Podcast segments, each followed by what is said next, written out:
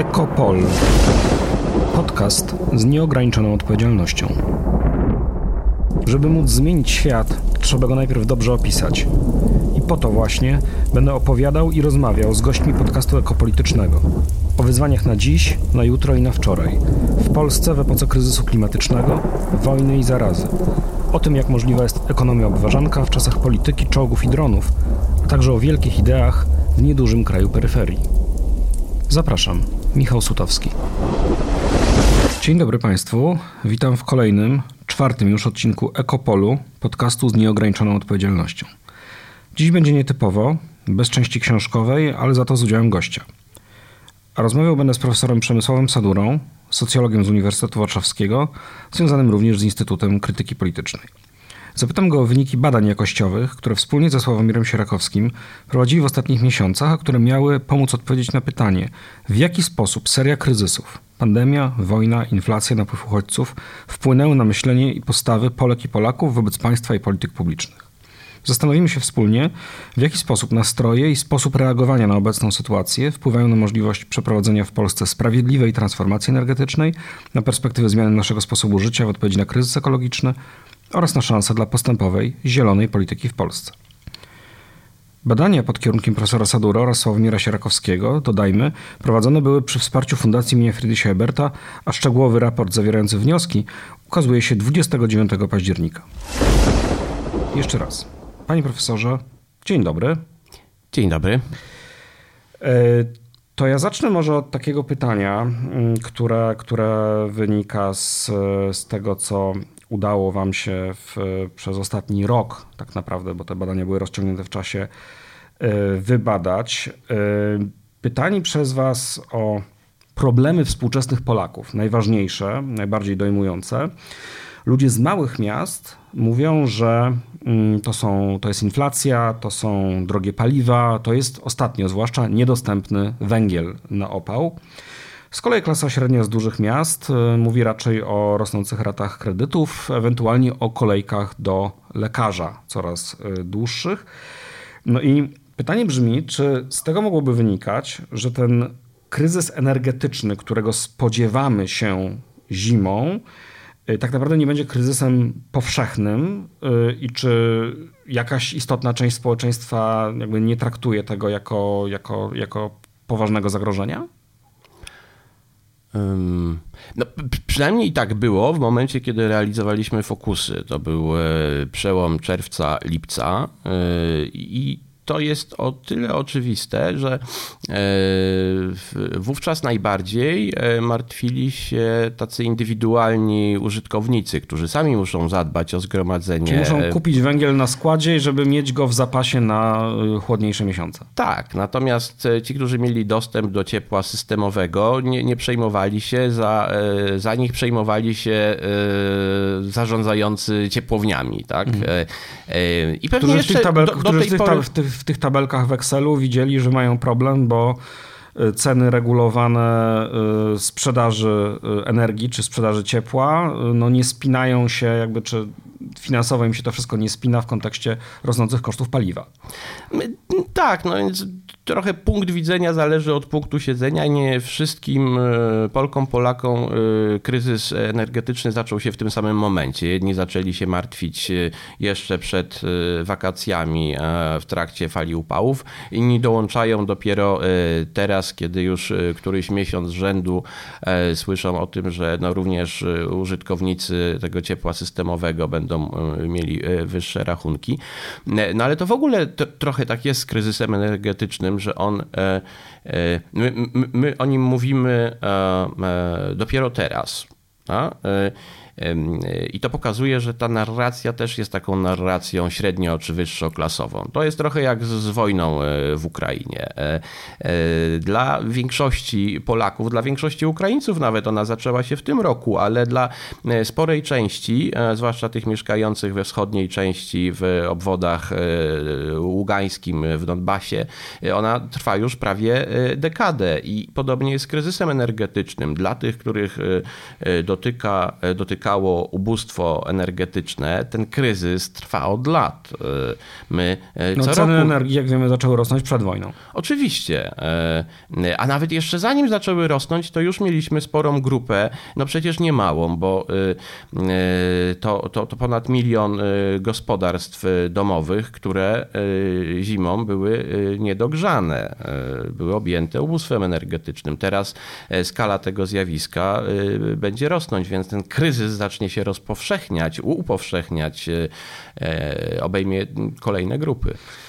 A mm, też taki no jakoś ciekawy, ciekawa obserwacja z tych, z tych waszych wywiadów, przede wszystkim fokusowych, płynie taka, że no mamy do czynienia z pewnym schematem, zresztą chyba dobrze opisany w psychologii, reagowania na kryzysy. To znaczy, że mamy najpierw wstrząs, kompulsywne poszukiwanie informacji, próba zorientowania się w tym, co się dzieje. Taka no, dążenie do tego, żeby być na bieżąco, próbować ogarnąć, zrozumieć. No potem następuje przebodźcowanie, ze względu na to, że te kryzysy są często omawiane bardzo, bardzo systematycznie, całościowo, ale też w sposób taki bardzo emocjonalny, opowiadany na wysokim C w rozmaitych mediach. No i to przebodźcowanie w końcu prowadzi do znużenia yy, i w końcu do wyparcia, to znaczy przestajemy się yy, interesować, odcinamy sobie dopływ do informacji, przełączamy umownie yy, kanał w telewizorze, jeśli akurat mówią o tym, o czym już nie chcemy słyszeć. I ten mechanizm sprawdzał się w przypadku pandemii, ten mechanizm wystąpił w przypadku wojny w Ukrainie. Ale Nawet zwłaszcza w przypadku e, wojny to było mhm. takie a wręcz e, namacalne ta atmosfera atmosfera e, na wywiadach, kiedy odtwarzaliśmy całą e, sekwencję zdarzeń.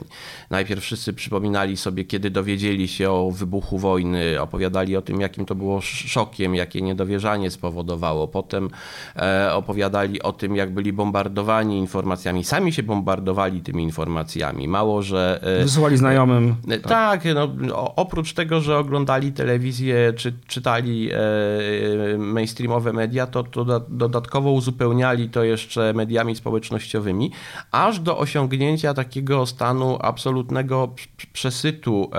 E, byli tak nasączeni tymi informacjami, że zaczynali odczuwać pogorszenie e, e, już nie tylko takiej psychicznej kondycji, ale to była też psychosomatyka. Zaczynali śnić o tym, że są na wojnie, zaczynali odczuwać dolegliwości i wyłączali się zupełnie.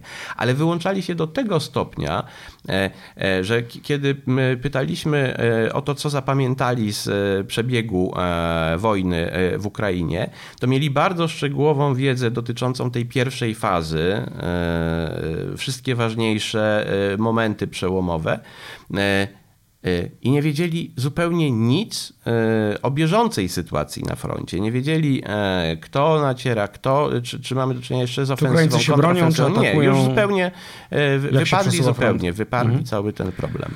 No właśnie, ale ja chciałbym zapytać o to, czy, ten, czy taki proces może się powtórzyć, czy jest możliwy w przypadku tych kolejnych kryzysów, z którymi mamy do czynienia, czyli właśnie kryzysu e, rosnących cen energii i, e, i też niedostępności jej nośników dla tych, którzy właśnie muszą sobie, sobie sami zapełnić e, opał na zimę, no i inflacji. Tak? To znaczy, czy, czy podobny mechanizm może nastąpić w tym wypadku? No bo jednak o ile wojna wciąż dzieje się gdzieś daleko, znaczy dochodzą na, do nas jej echa, ale jednak wyłączenie telewizora, względnie ograniczenie korzystania z mediów społecznościowych, no znacząco może ograniczyć nasz, nasz kontakt z tamtymi wydarzeniami. Tak? Znaczy, wyparcie jest możliwe, tak? no, co zresztą pokazuje doświadczenie e, uczestników tych, e, e, tych badań. Natomiast no, czy w sytuacji, kiedy chodzi o wzrost cen energii i wzrost cen w ogóle, to podobny proces też może zajść? Czy to jest coś takiego, czego się nie da wyprzeć, bo to jest po prostu zasada rzeczywistości? No wydawałoby się, że... Yy... Pandemia i wojna to też jest zasada rzeczywistości. No, no, tak. No, tak, ale wydawałoby się, że trudno yy, wyprzeć coś tak namacalnego i codziennego jak zimny kaloryfer albo Rosnące ceny cena chleba, prawda? Ale no ale nie, no nasza zdolność adaptacyjna jest w zasadzie nieograniczona. To dobrze też pokazuje sytuacja pandemii. Pandemia jednak była czymś dużo bardziej dotkliwym, namacalnym niż wojna dziejąca się mimo wszystko za granicą. A w pandemii mieliśmy dokładnie ten sam wzór. Badani opowiadali o tym, że po tym szoku, jak wizja e, świata, w którym, który jest przewidywalny. E, osiągnęliśmy też taki postęp medyczny, że e, o globalnych epidemiach to możemy w podręcznikach historii poczytać, ale, ale nie doświadczać tego. Weszliśmy w stan, w którym ludzie zaczynali masowo chorować, masowo umierać i były dokładnie te same reakcje, że kiedy pandemia jeszcze w zasadzie nie objęła nas, nie, nie byliśmy jeszcze w tych takich najbardziej e, e, dotkliwych dla Polski e, fazach, to już bardzo mocno przeżywaliśmy to, co dzieje się we Włoszech.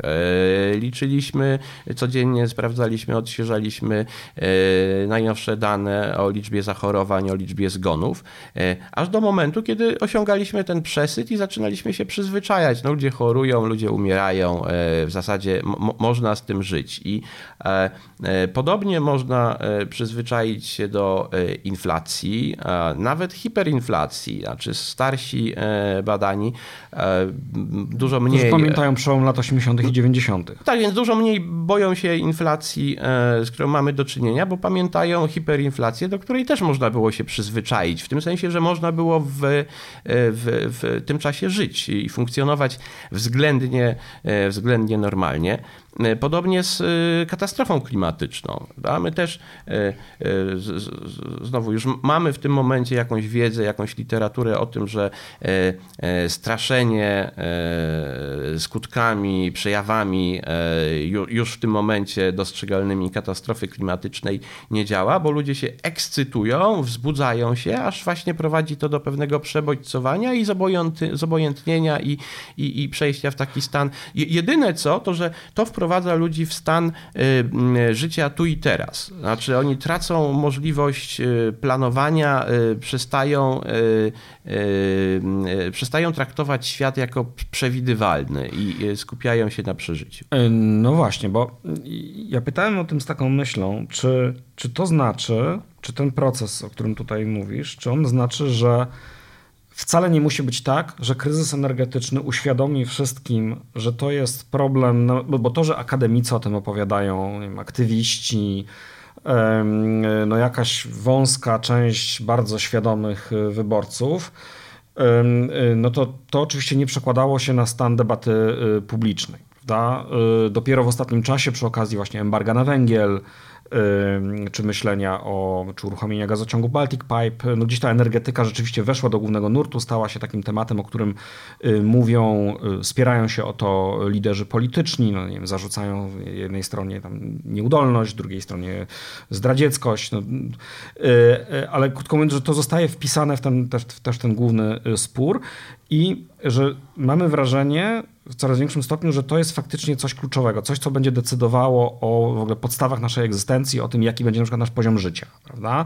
Więc wydawało się, że taka, yy, taka sytuacja powoduje jednocześnie, że można zacząć mówić na poważnie o tym, co z tym fantem zrobić. To znaczy, jak rozwiązać w perspektywie roku, dwóch, pięciu, dziesięciu, w perspektywie pokolenia, no, y, kwestię tego, że przestaje nas być stać na utrzymanie naszego właśnie poziomu życia dotychczasowego. Tak?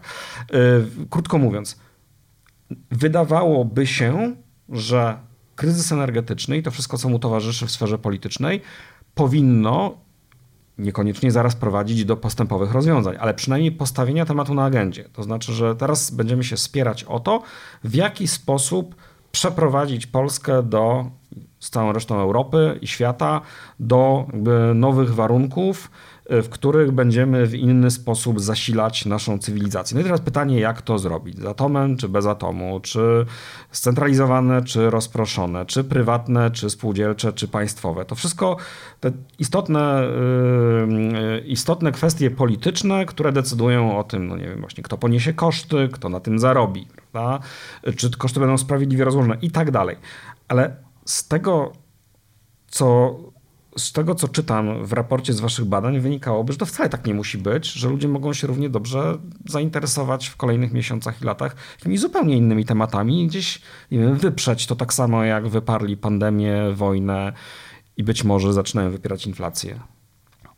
No i, i jeśli um, szok y, związany z, ze wzrostem e, cen energii i obniżeniem y, poziomu życia będzie y, odpowiednio rozłożony w czasie, tak żeby wykorzystać tą właśnie zdolność adaptacyjną społeczeństwa, no to tak może być. Znaczy ludzie wcześniej czy później pogodzą się z tym, że lepiej już było, e, że ceny energii nie wrócą do e, dawnego poziomu. Zaczną traktować to jako e, pewnik, jako pewne tło i znowu zaczną się ekscytować, y, mm, nie wiem, rozstaniami albo ponownymi zejściami celebrytów y, z pierwszych stron y, tabloidów. E, no bo taka jest, to, to taka jest natura ludzka też, że my po prostu mamy tą, to, to jest zresztą największe zagrożenie, jeśli chodzi o te rozciągnięte w czasie kryzysy, a z kryzysem klimatycznym na czele, że e, nasze wyposażenie ewolucyjne jest e, trochę naszym e, wrogiem, przeciwnikiem, bo utrudnia nam dostrzeżenie tych takich Czyli jakby ta metafora zmian. gotowania żaby, ona działa tutaj bardzo dobrze, w tym sensie, że ona odpowiada temu, jak jesteśmy skonstruowani, tak? I, jak, i, i w jaki sposób reagujemy na na bodźce nawet negatywne, które powinny nas, teoretycznie powinny nas skłonić do nie wiem, refleksji i zmiany myślenia i działania, e, czy nawet przeorganizowania całej wspólnoty, e, bo e, raczej, jak rozumiem, zmierzamy do tego, żeby no żeby zmieniło się jak najmniej, jak to tylko możliwe, i dostosowujemy się na takim poziomie mikroindywidualnym do tego, do, do tego, czego wymaga od nas rzeczywistość. Indywidualne strategie przetrwania. Oczywiście to też y, nie, nie musi być y, problem, bo w dobrze działającym takim idealnym y, systemie, w którym mamy sprawne państwo, no to państwo poprzez interwencję rozkłada taki kryzys właśnie po to, żeby kupić sobie pewien spokój obywateli, po to, żeby oni reagując na kryzys, który e, nie dawałby tego czasu na adaptację, no, mogą e, zachowywać się w sposób nieprzewidywalny, może dojść do jakichś e, zamieszek, więc kupują czas, no ale po to, żeby wdrożyć rozwiązania. Więc to, to, to oczywiście może być pozytywne, ale w przypadku państwa niesprawnego, które ledwie da radę e, wykorzystać ten adaptacyjny mechanizm, dosypując trochę węgla do, e, do starych pieców. Albo pozwalając palić już nie tylko węglem, ale czymkolwiek by grzało odsuwamy ten kryzys na, na później tak? Mhm. i wydłużamy taką sytuację tymczasowości. Ja rozumiem, że ta niesprawność y, państwa, y, jego dysfunkcje dotyczące energetyki, ciepłownictwa, ale wcześniej w zasadzie wszystkich obszarów w ogóle polityk publicznych, to wszystko się przekłada, sytuacja w ochronie zdrowia, sytuacja w edukacji, dostępność opieki, no to wszystko, funkcjonowanie transportu publicznego, E, no to wszystko gdzieś tam działa w takim sprzężeniu zwrotnym e, z, z tym, jak w ogóle widzimy e, mm, państwo. Znaczy, jak rozumiem, z waszych badań wynika, że no ono działa coraz bardziej dysfunkcyjnie, te dysfunkcje są dostrzegane, prowadzą do niewiary w to, że w ogóle coś się może poprawić i że reformy są możliwe. Czyli uczynienie tych, tych, tych, tych, obszarów y, no, działającymi i, i wygodnymi i przystępnymi.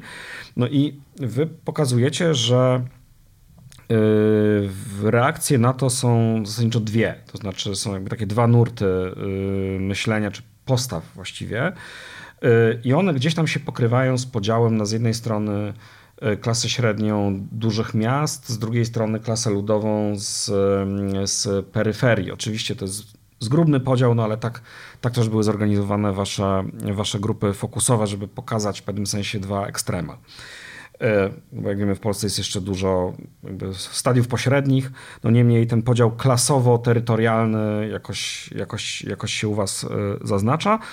Klasa e, średnia z dużych miast idzie w coś, co wy nazywacie neoliberalizmem eskapistycznym, czyli taką strategiami, przekonaniem o, o tym, że działają tylko strategie indywidualne, czyli indywidualne, rodzinne, znajomi, ale generalnie, że na państwo nie ma co liczyć, no bo doświadczenie o tym uczy.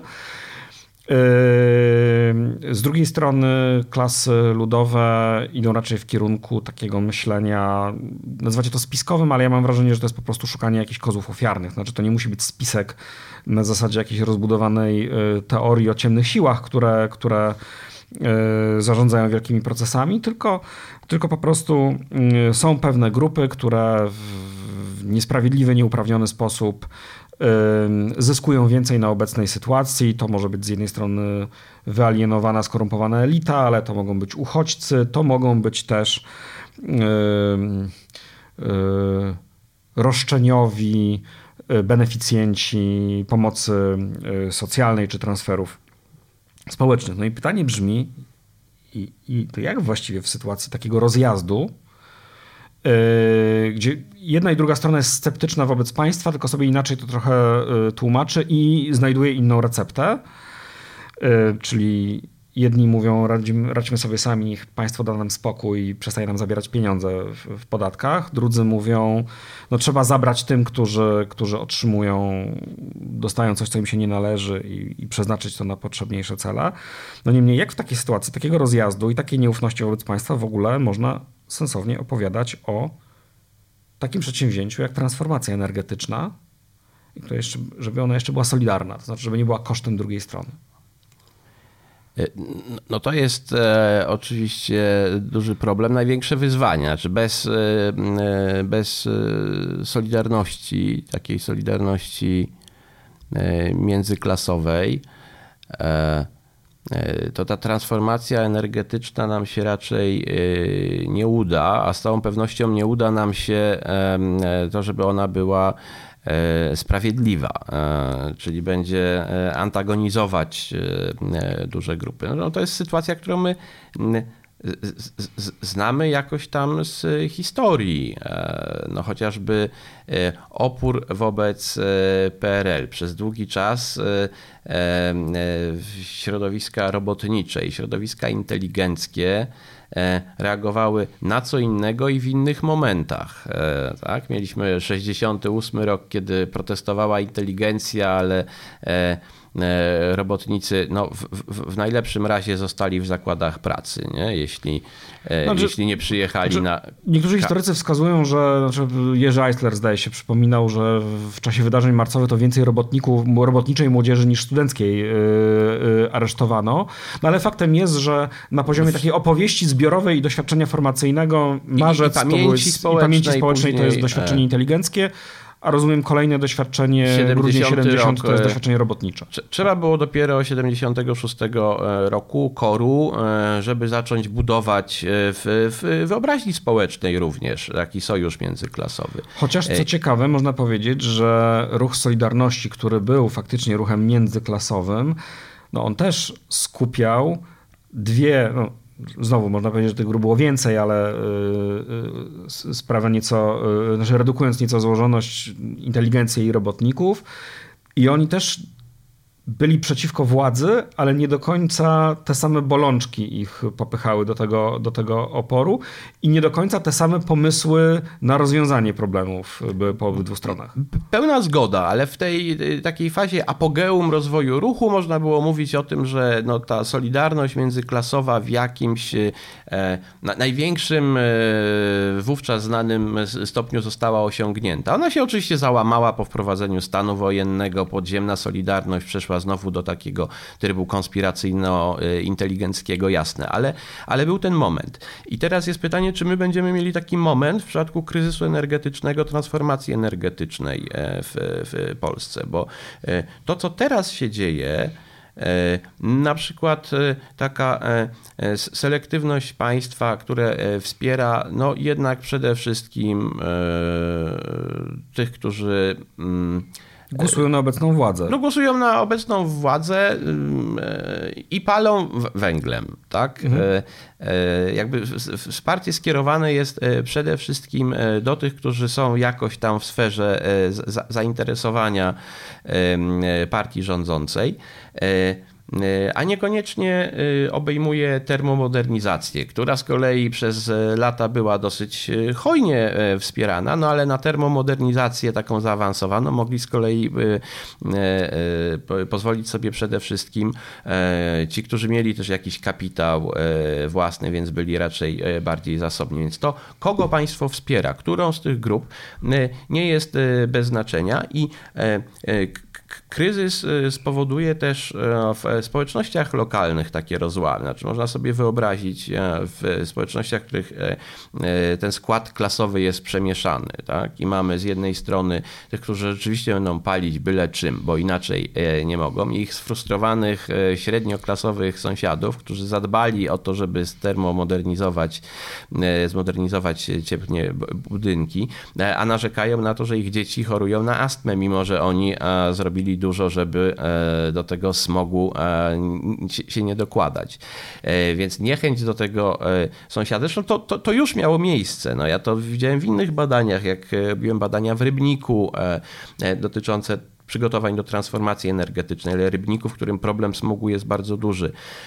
To ta niechęć takiej klasy średniej, wyższej klasy średniej, klasy kreatywnej wobec sąsiadów, górników albo i nie górników, e, ale też takiej niechęci pogardy e, o tym, że o tych górnikach nie mówiono inaczej niż e, ryle albo krety i wrażliwość na ubóstwo energetyczne była niewielka. I w drugą stronę, no to poczucie krzywdy tych, którzy, których rzeczywiście nie stać na dogrzanie mieszkania i, i muszą palić materiałem gorszej jakości, żeby nie zmarznąć, żeby utrzymać tą temperaturę przynajmniej na poziomie 18 stopni, bo przyjęliśmy, że to jest taka e, temperatura graniczna. Więc to będzie rozbijało też tą solidarność na poziomie lokalnym, ale jeżeli z tego nie wyjdziemy, jeżeli nie zrozumiemy, że e, e, no, trzeba wesprzeć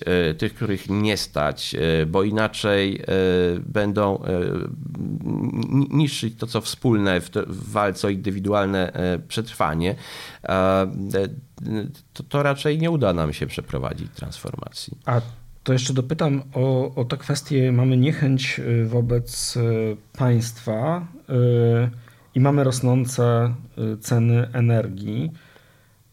Czy tutaj nie ma jakiegoś gruntu dlatego, żeby promować rozwiązania związane z decentralizacją, to znaczy zbudowanie spółdzielni energetycznych?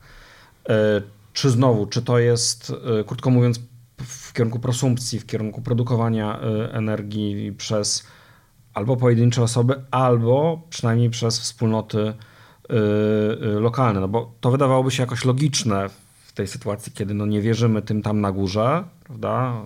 Te wielkie molochy energetyczne to są spółki Skarbu Państwa kontrolowane przez rząd. Czy tutaj napotkamy na przykład z drugiej strony na tę barierę, że znowu to jest rozwiązanie tylko dla tej, tej zamożniejszej części?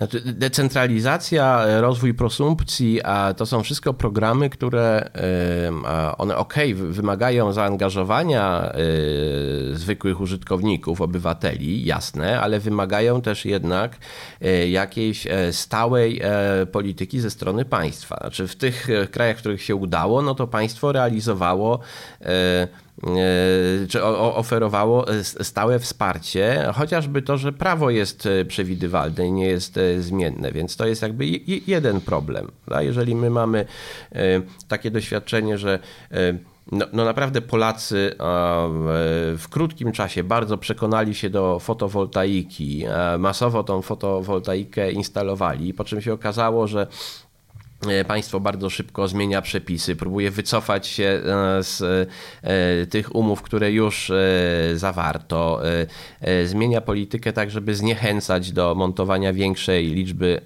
paneli fotowoltaicznych, bo osiągnęliśmy ten pożądany i optymalny poziom wy no, wykorzystania mocy, tego, udział, udział mocy w, w całej sieci, tak? I dalej to już jest nieefektywne, wręcz sieci zagraża. Ludzie tego nie rozumieją rozumieją. Ludzie tylko rozumieją, że e, e, e, wspieraliśmy fotowoltaikę, nagle następuje zwrot, teraz będą wspierane wiatraki, tak? a nie wiadomo, co będzie później. To samo ci, którzy zainwestowali w piece gazowe, tak? I ceny gazu miały nie wzrosnąć, a tutaj nagle rosną. Jeszcze zanim bardziej wzrosły ceny węgla, no to słyszałem na Śląsku głosy niezadowolenia tych, którzy zdecydowali się zmienić piece na e, gazowe. Więc jest to poczucie rozczarowania. To jest ta niestabilność działania państwa to jest jedno zagrożenie. Znaczy, żebyśmy mieli do czynienia z e, takim e, oddolnym procesem, to trzeba jednak mieć jakieś gwarancje, jakąś, jakieś przekonanie do pewnej stałości. Ale druga rzecz to jest nasz niski kapitał społeczny, czyli to niskie zaufanie nie tylko do instytucji publicznych, ale też do współobywateli. To jest szczególnie trudne. No, tak jak dlaczego fotowoltaika spotkała się z takim e, Bo to jest na własnym pozytywnym? dachu. Na własnym dachu, tak? Nie trzeba dogadywać się z sąsiadami, każdy może sobie to zrobić. E, e, e ba, niektórzy nawet próbowali na własną rękę to podłączać, zwłaszcza kiedy miały się zmienić przepisy i zabrakło elektryków, którzy byli przeciążeni po prostu monterów mhm. tych instalacji. I wtedy z kolei strażacy z Ochotniczej Straży Pożarnej mówili o tym, że jak Polska długa i szeroka paliły się te instalacje fotowoltaiczne i e, był taki moment, kiedy głównie jeździli do pożarów instalacji, które każdy zakładał na własną rękę. E, więc e, jest potencjał, ale tam, gdzie to są indywidualne rozwiązania, a nie jest przypadkiem, że my no, nie mamy ciągle zbyt wielu przykładów spółdzielni energetycznych. Nie? Mhm. działają cztery i to chyba na razie bardziej w planach niż niż faktycznie. To mm, zapytam na koniec o, mm, jakby szukając desperacko jakiegoś światełka w tunelu, które nie będzie światłem nadjeżdżającej lokomotywy, yy, o kwestię powiązania yy, transformacji energetycznej, też zmiany yy, funkcjonowania innych, innych systemów publicznych w takim bardziej zielonym kierunku, zrównoważonym. Znaczy, zapytałbym o ten kontekst wojenny, bo z Waszych badań wynika, że wprawdzie yy, wielu obywateli po początkowym ten wstrząsie zaczęło wypierać w ogóle temat wojny w Ukrainie, to jednak mimo tego świadomość yy, możliwości obronnych yy, jako pewnego problemu, jako pewnego wyzwania, czegoś, z czym musimy sobie na dłuższą metę poradzić, ta świadomość została. To znaczy, niezależnie od tego, że nie interesujemy się, co się tam dzieje na froncie, to pytanie o to, no, czy, yy, czy trzeba zmienić politykę yy, obronną, jesteśmy za i to nawet w takim yy, wymiarze związanym z tym, że no nie wiem, należy, powinniśmy się wszyscy szkolić, prawda? Niekoniecznie dotyczy to zaraz poparcia dla powszechnego poboru, ale już dla jakichś powszechnych szkoleń wojskowych jak najbardziej. Krótko mówiąc, ten temat, że jesteśmy zagrożeni i musimy się przygotować, bo nie do końca i nie zawsze możemy liczyć na sojuszników, to jest gdzieś chyba mocno ugruntowane w, w, w świadomości zbiorowej. No i w związku z tym chciałbym zapytać, czy, czy nie jest tak, że może to jest w ogóle jedyne wyjście, żeby te kwestie klimatu, energetyki yy, powiązać z kwestiami bezpieczeństwa militarnego. Znaczy powiedzieć, że na przykład yy, oszczędzanie energii to jest e, no, jeden z pomysłów na to, żeby się uniezależnić od e, przeciwnika czy wroga geopolitycznego. Tak? Czy, czy nie jest tak, że to jest w ogóle jedyna metoda dotarcia z klimatem i energetyką do, do wyborców i do, do w ogóle opinii publicznej obywateli? Tak? To znaczy powiedzieć im, że to się wszystko wiąże także z naszym twardym bezpieczeństwem. Mhm. Pewnie tak, tylko że to wymaga no jednak takiej długiej kampanii podnoszenia świadomości społecznej, bo w tym momencie to jest E, absolutnie e, niezagospodarowany, e, niezagospodarowany teren. Znaczy nie, nie ma, to, to jest połączenie kwestii polityki klimatycznej, bezpieczeństwa zewnętrznego, to jest dla Polaków abstrakcja na dzisiaj. My skądinąd znamy nawet konkretne rozwiązania, tak, podsuwane przez ekspertów. Kwestia E, przywracania mokradeł, e, które mają duży potencjał e, wiązania CO2, a z drugiej strony a woz przeciwnika. przeciwnika tak. Ale, ale to, to się jeszcze nie przebiło do powszechnej świadomości. Aczkolwiek generalnie taka tendencja jest widoczna. My tego zupełnie nie ujęliśmy w raporcie, który już i tak był wielowątkowy, ale E, ale nawet spontanicznie pojawiały się te kwestie klimatyczne, tylko że podnosiła je klasa średnia e, i łączyła te kwestie bezpieczeństwa nie z wojną, ale z falą uchodźców klimatycznych. To znaczy te doświadczenia z jednej strony z granicy białoruskiej, a później już e, kryzys e, uchodźczy związany z falą migrantów z Ukrainy,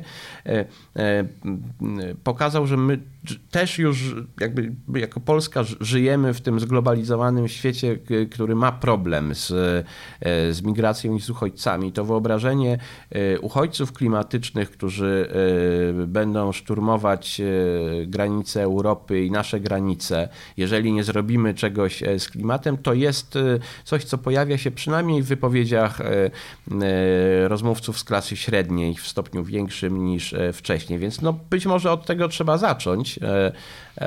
To, to, to już jest coś. Mm, natomiast w przypadku klas ludowych, no tam jednak miałem wrażenie, że y, dominuje ciągle taka strategia wyparcia i właśnie takich spiskowych teorii, że e, ciągle pytanie, dlaczego nie możemy wydobywać y, naszego węgla. Skoro Niemcy to robią. Albo... Tak, albo nawet jeśli ktoś podrzucał, no bo przecież się nie opłaca, bo jest nie, nie, nieekonomiczny, aha, no to sprzedajmy kopalnię Niemcom, zaraz się okaże, że jest ekonomiczny. No to, to jest, to jest ta, ta narracja, która tam jest upowszechniana, no ale koniecznie trzeba zastąpić to narracjami, które będą bardziej progresywne i rzeczywiście da, dadzą trochę nadziei. Te wnioski, jakie płyną z badań, one mm, nie dają bardzo wielu podstaw do optymizmu w kwestii tego, jak można y, prowadzić w Polsce postępową, sprawiedliwą politykę klimatyczną, politykę y, energetyczną, ale dają, stwarzają taką no, mapę napięć i, i, i, i wyzwań, z jakimi też w polityce, także ogólnokrajowej, także w kontekście wyborów będziemy musieli się mierzyć. O tym raporcie będziemy jeszcze pisać, będziemy dyskutować o wnioskach z badań, badań, które przeprowadzili E, profesor Przemysław Sadura oraz e, Sławomir Sierakowski prowadzili je e, w ostatnich miesiącach. Tak naprawdę to był ponad rok chyba i był to też, jest to też część dłuższego cyklu rozpoznawania postaw i reakcji Polek i Polaków wobec państwa i polityk publicznych Te, też woleli, wojny. Też wolelibyśmy, żeby e, wnioski były um, bardziej optymistyczne, ale nie umawialiśmy się na cykle raportów pisanych ku pokrzepieniu e, serc, tylko raczej takich, które mają otrzeźwić umysły, wyostrzyć spojrzenie. Czasem mają być takim kubłem zimnej wody, czy kubłem takiej świeżej wiedzy co wprost prowadzi nas do wiekowego już, choć nie mniej przez to aktualnego, postulatu Antonia Gramsciego, aby w działaniu na rzecz postępu pesymizmowi intelektu zawsze towarzyszył optymizm woli. Moim gościem był Przemysław Sadura. Dziękuję bardzo. Dziękuję. Proszę Państwa, to był kolejny, tym razem specjalny, bo tylko jednoczęściowy, za to z udziałem znakomitego gościa, odcinek Ekopolu, podcastu z nieograniczoną odpowiedzialnością. Rozmawialiśmy o wynikach badań prowadzonych przy wsparciu Fundacji imienia Friedricha Eberta przez Przemysława Sadurę i Sławomira Sierakowskiego, z których raport pod tytułem Polacy za Ukrainą, ale przeciw Ukraińcom ukazuje się w sobotę 29 października. Ja tymczasem zapraszam Państwa na kolejne odcinki Ekopolu, które można znaleźć, podobnie jak te archiwalne, na stronie www.krytykapolityczna.pl ukośnik podcast, a także posłuchać na platformach streamingowych takich jak Spotify, SoundCloud czy Apple Podcast. Ja nazywam się Michał Sutowski, dziękuję za uwagę, do usłyszenia.